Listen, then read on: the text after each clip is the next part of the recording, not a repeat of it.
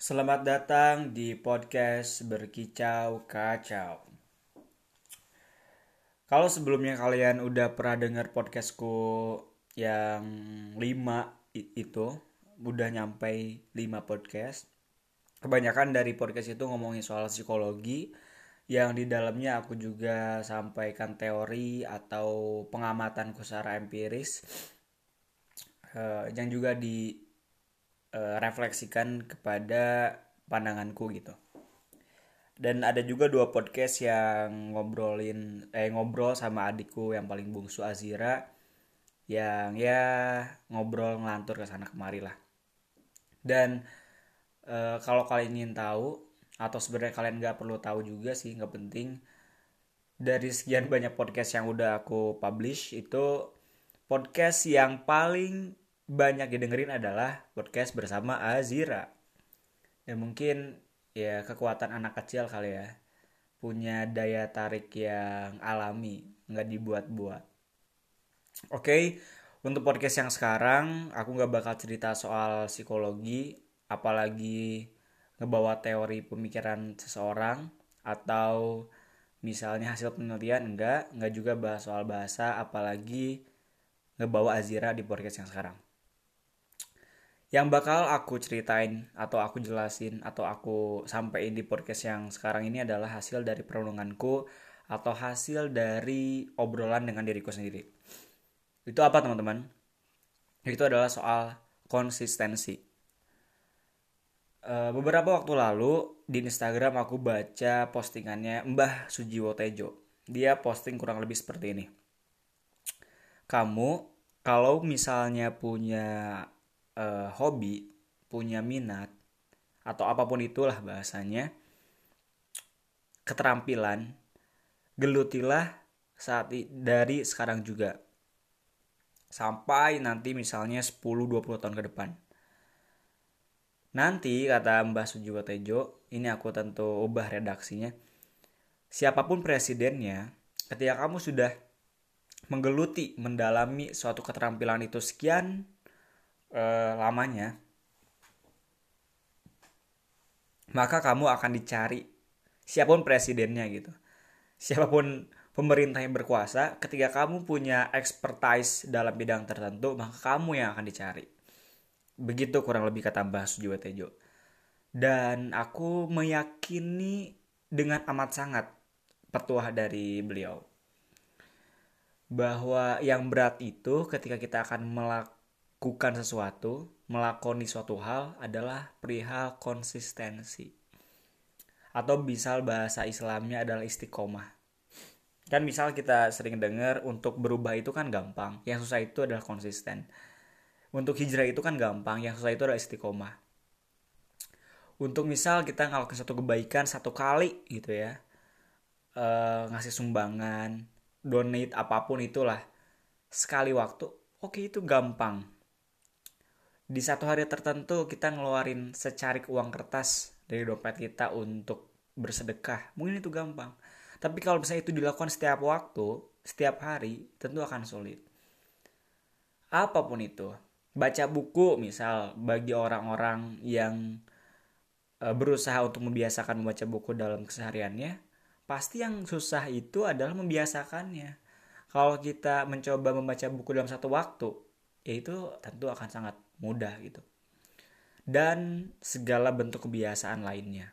Mau itu nulis mau itu baca mau itu uh, apa ya ngelukis buat film buat lagu berkarya lah intinya lah.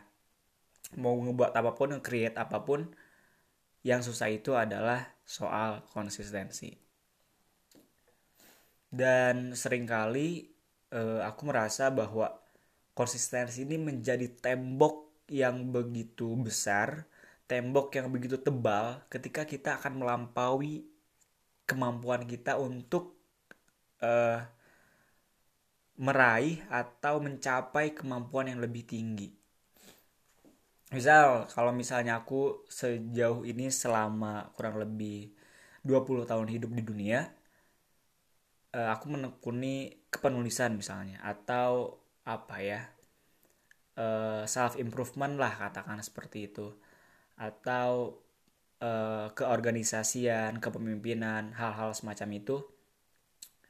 Yang paling susah adalah menekuni secara kontinu secara terus menerus contoh kecil nulis deh. Misal katakanlah uh, aku sudah nulis satu buku atau juga nulis beberapa artikel misal kayak gitu yang ada di media.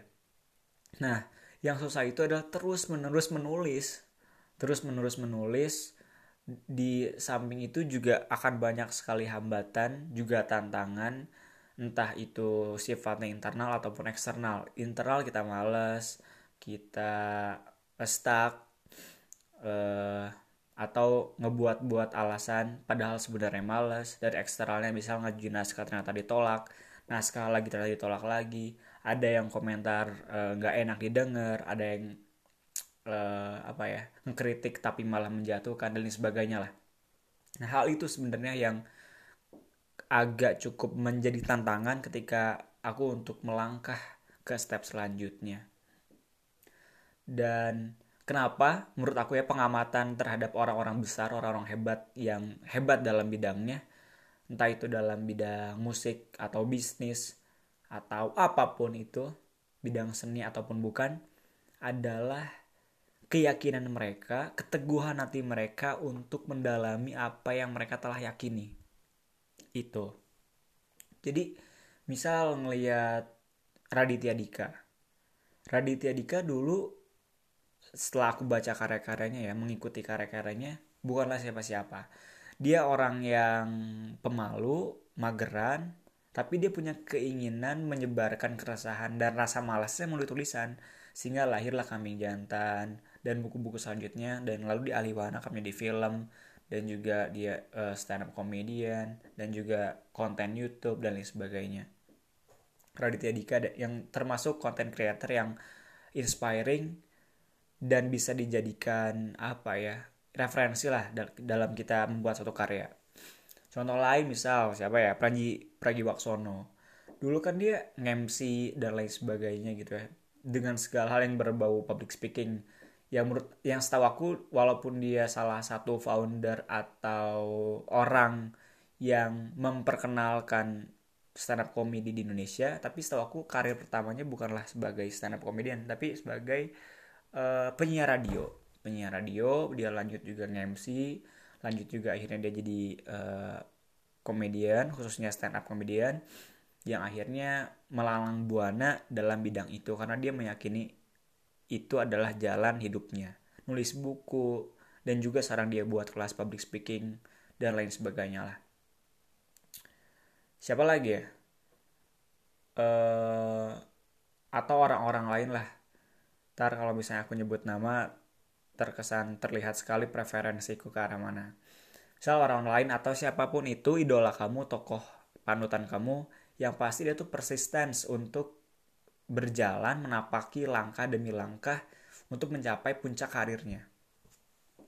Sandiaga Uno misal pebisnis yang dulu dia sekolah di luar negeri di mana tuh terus dia di Singapura sebagai karyawan kan Terus akhirnya ketika 98 karena ada goncangan ekonomi yang begitu hebat sehingga dia dikeluarkan dari perusahaannya, dia balik ke Indonesia, dia buat perusahaan investasi Saratoga gitu ya kalau nggak salah.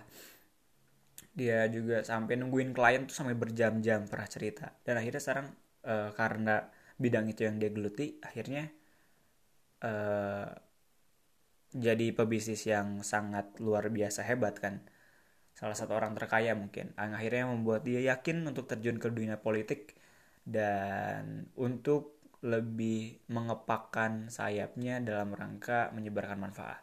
Gitulah. Ini ngelantur ke sana kemari nggak apa-apa ya. Terus siapa lagi ya? Um, pokoknya anyone lah siapa pun itu yang dalam puncak karirnya tentu dia sudah melewati proses yang begitu panjang, yang begitu terjal, dan sangat memerlukan konsistensi. Atau ini dia salah satu musikus Indonesia yang aku kagumi lah. Misal contoh Ahmad Dhani. Ahmad Dhani salah satu maestro musik di Indonesia yang aku kira karya-karyanya masterpiece yang tidak lekang oleh waktu yang walaupun karyanya dibuat 10 tahun yang lalu misal tapi sampai sekarang uh, lagu dia masih enak untuk didengar bahkan di cover. Dan dia kan dari SMA gitu kalau nggak salah. Ya benar. Dia dari SMA dia SMA 2 Surabaya dia buat band sama Ari Lasso sama kawan-kawannya Dewa 19 dan dia menekuni itu akhirnya besar. Akhirnya jadi legend gitu. Siapa lagi mau bidang olahraga nih. Contoh Messi Ronaldo. Aku pernah baca di satu buku pengembangan diri. Bukunya tuh cara bangun habit gitu. Tapi bukan bukunya Charles Duhigg yang The Power of Habits. Ini buku orang Indonesia. Lupa nam the, lupa karya siapa. Dia nyampe di buku itu bahwa Ronaldo itu dia belajar um, apa sepak bola itu dari dia usia berapa ya? 6 tahun bahkan. Pokoknya dari bocah lah. Begitupun Messi Begitupun Muhammad Ali. Muhammad Ali dia belajar tinju dari bocah banget. Sampai nonjok orang bisa langsung KO gitu kan. Atau siapa lagi? Bruce Lee. Bruce Lee pernah buat quote kayak gini.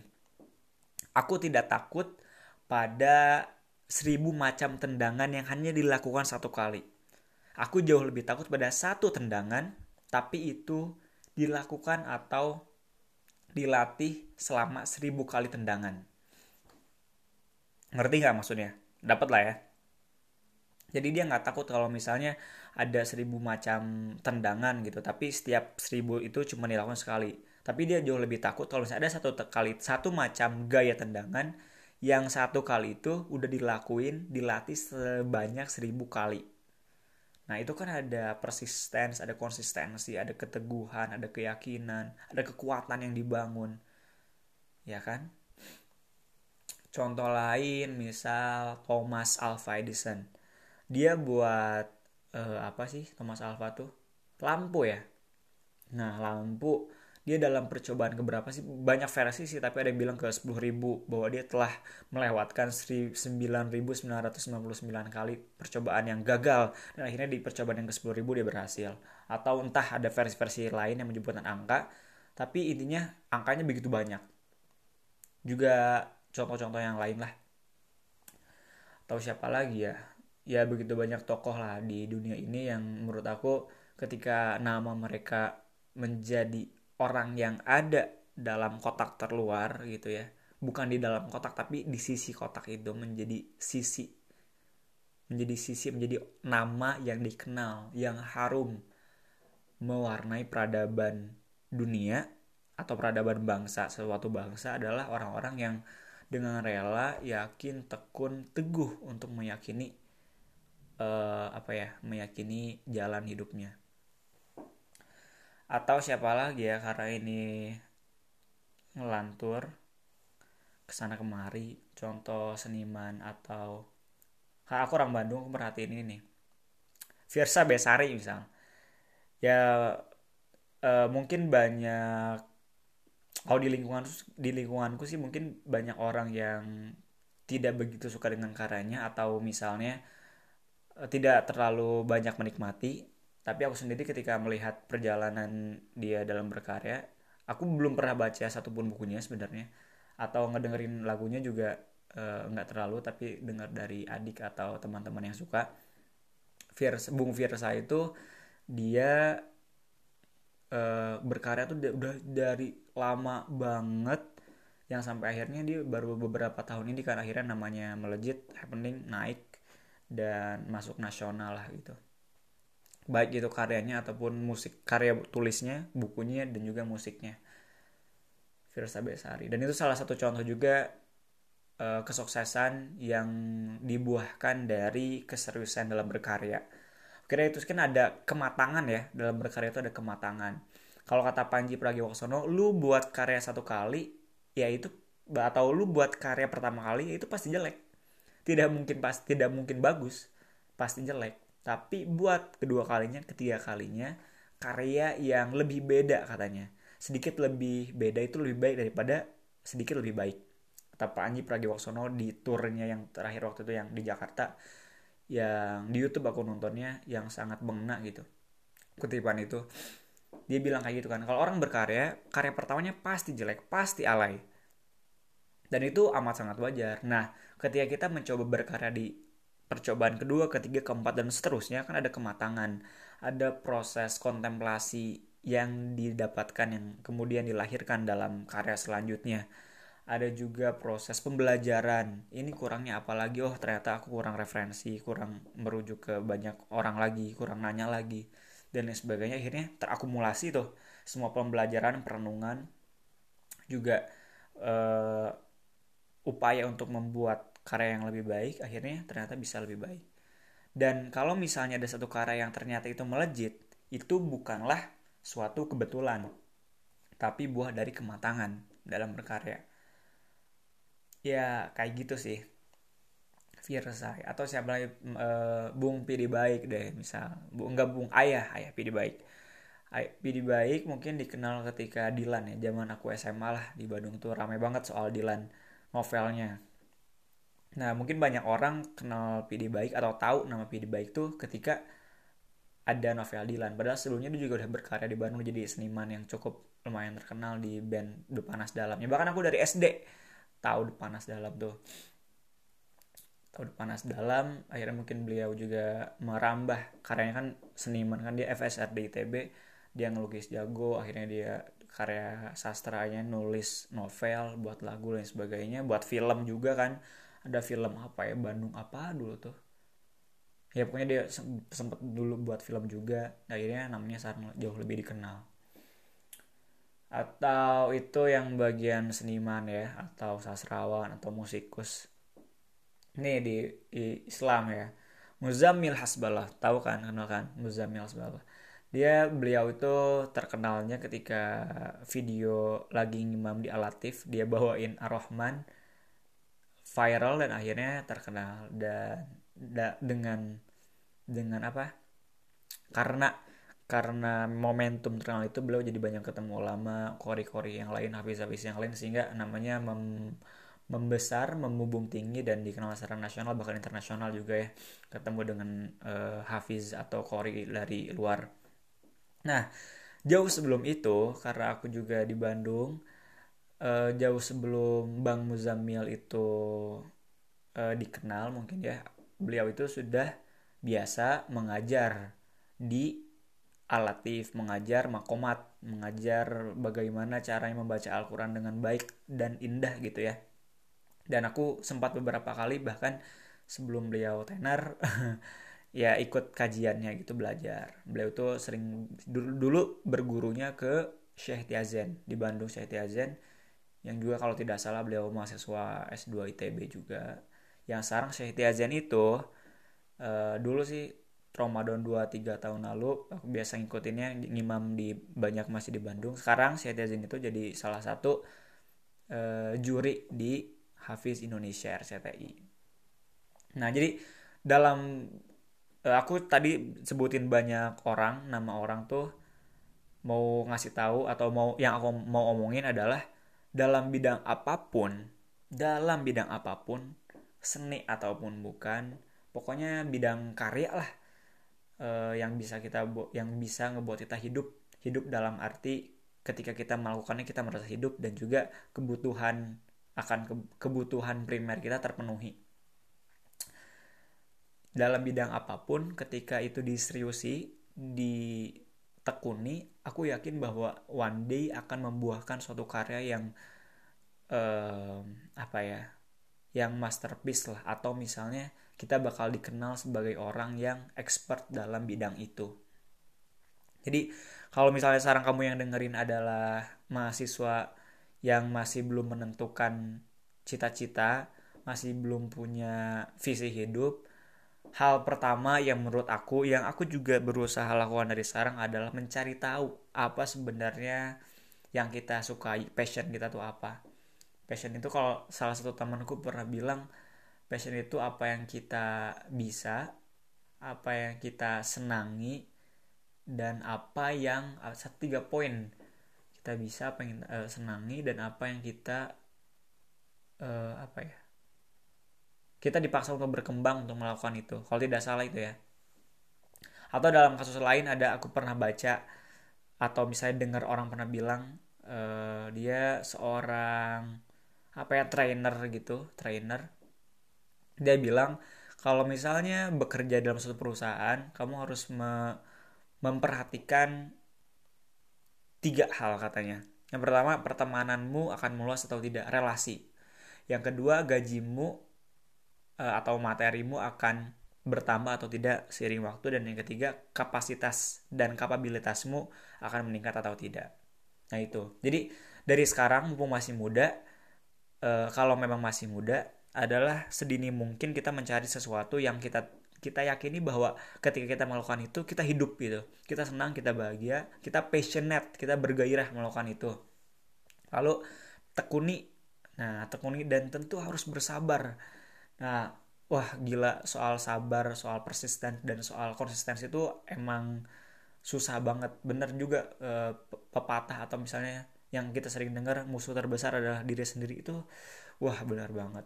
Udah ngerasain kayak misalnya sering banget aku udah malas untuk mencoba menulis lagi karena merasa diri e, passionnya adalah bukan menulis dan sebagainya lah tantangan dan hambatan dalam e, internalku gitu. Atau misalnya eksternal yang ditolak ditolak ditolak tapi ternyata ada kedewasaan dan ada kematangan dari proses pembelajaran itu gitu. Intinya sih kayak gitulah. Ini mungkin amat sangat tidak penting ataupun kalau misalnya ada yang penting ya diambil aja dibuang yang jelek-jeleknya dibuang yang tidak pentingnya. Pada intinya seperti itu.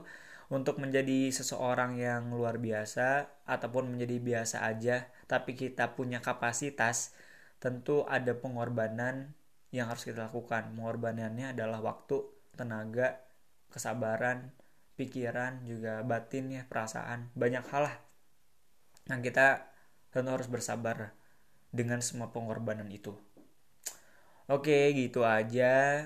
Pokoknya apa pun yang sedang kamu lakukan sekarang, terkhusus sekarang lagi ada virus yang entah berhenti sampai kapan, ya di rumah uh, coba untuk mencari tahu dan lebih banyak ngobrol sama diri sendiri mengenali diri sendiri sebenarnya diri ini butuh apa mau apa dan ke depannya akan menjadi apa.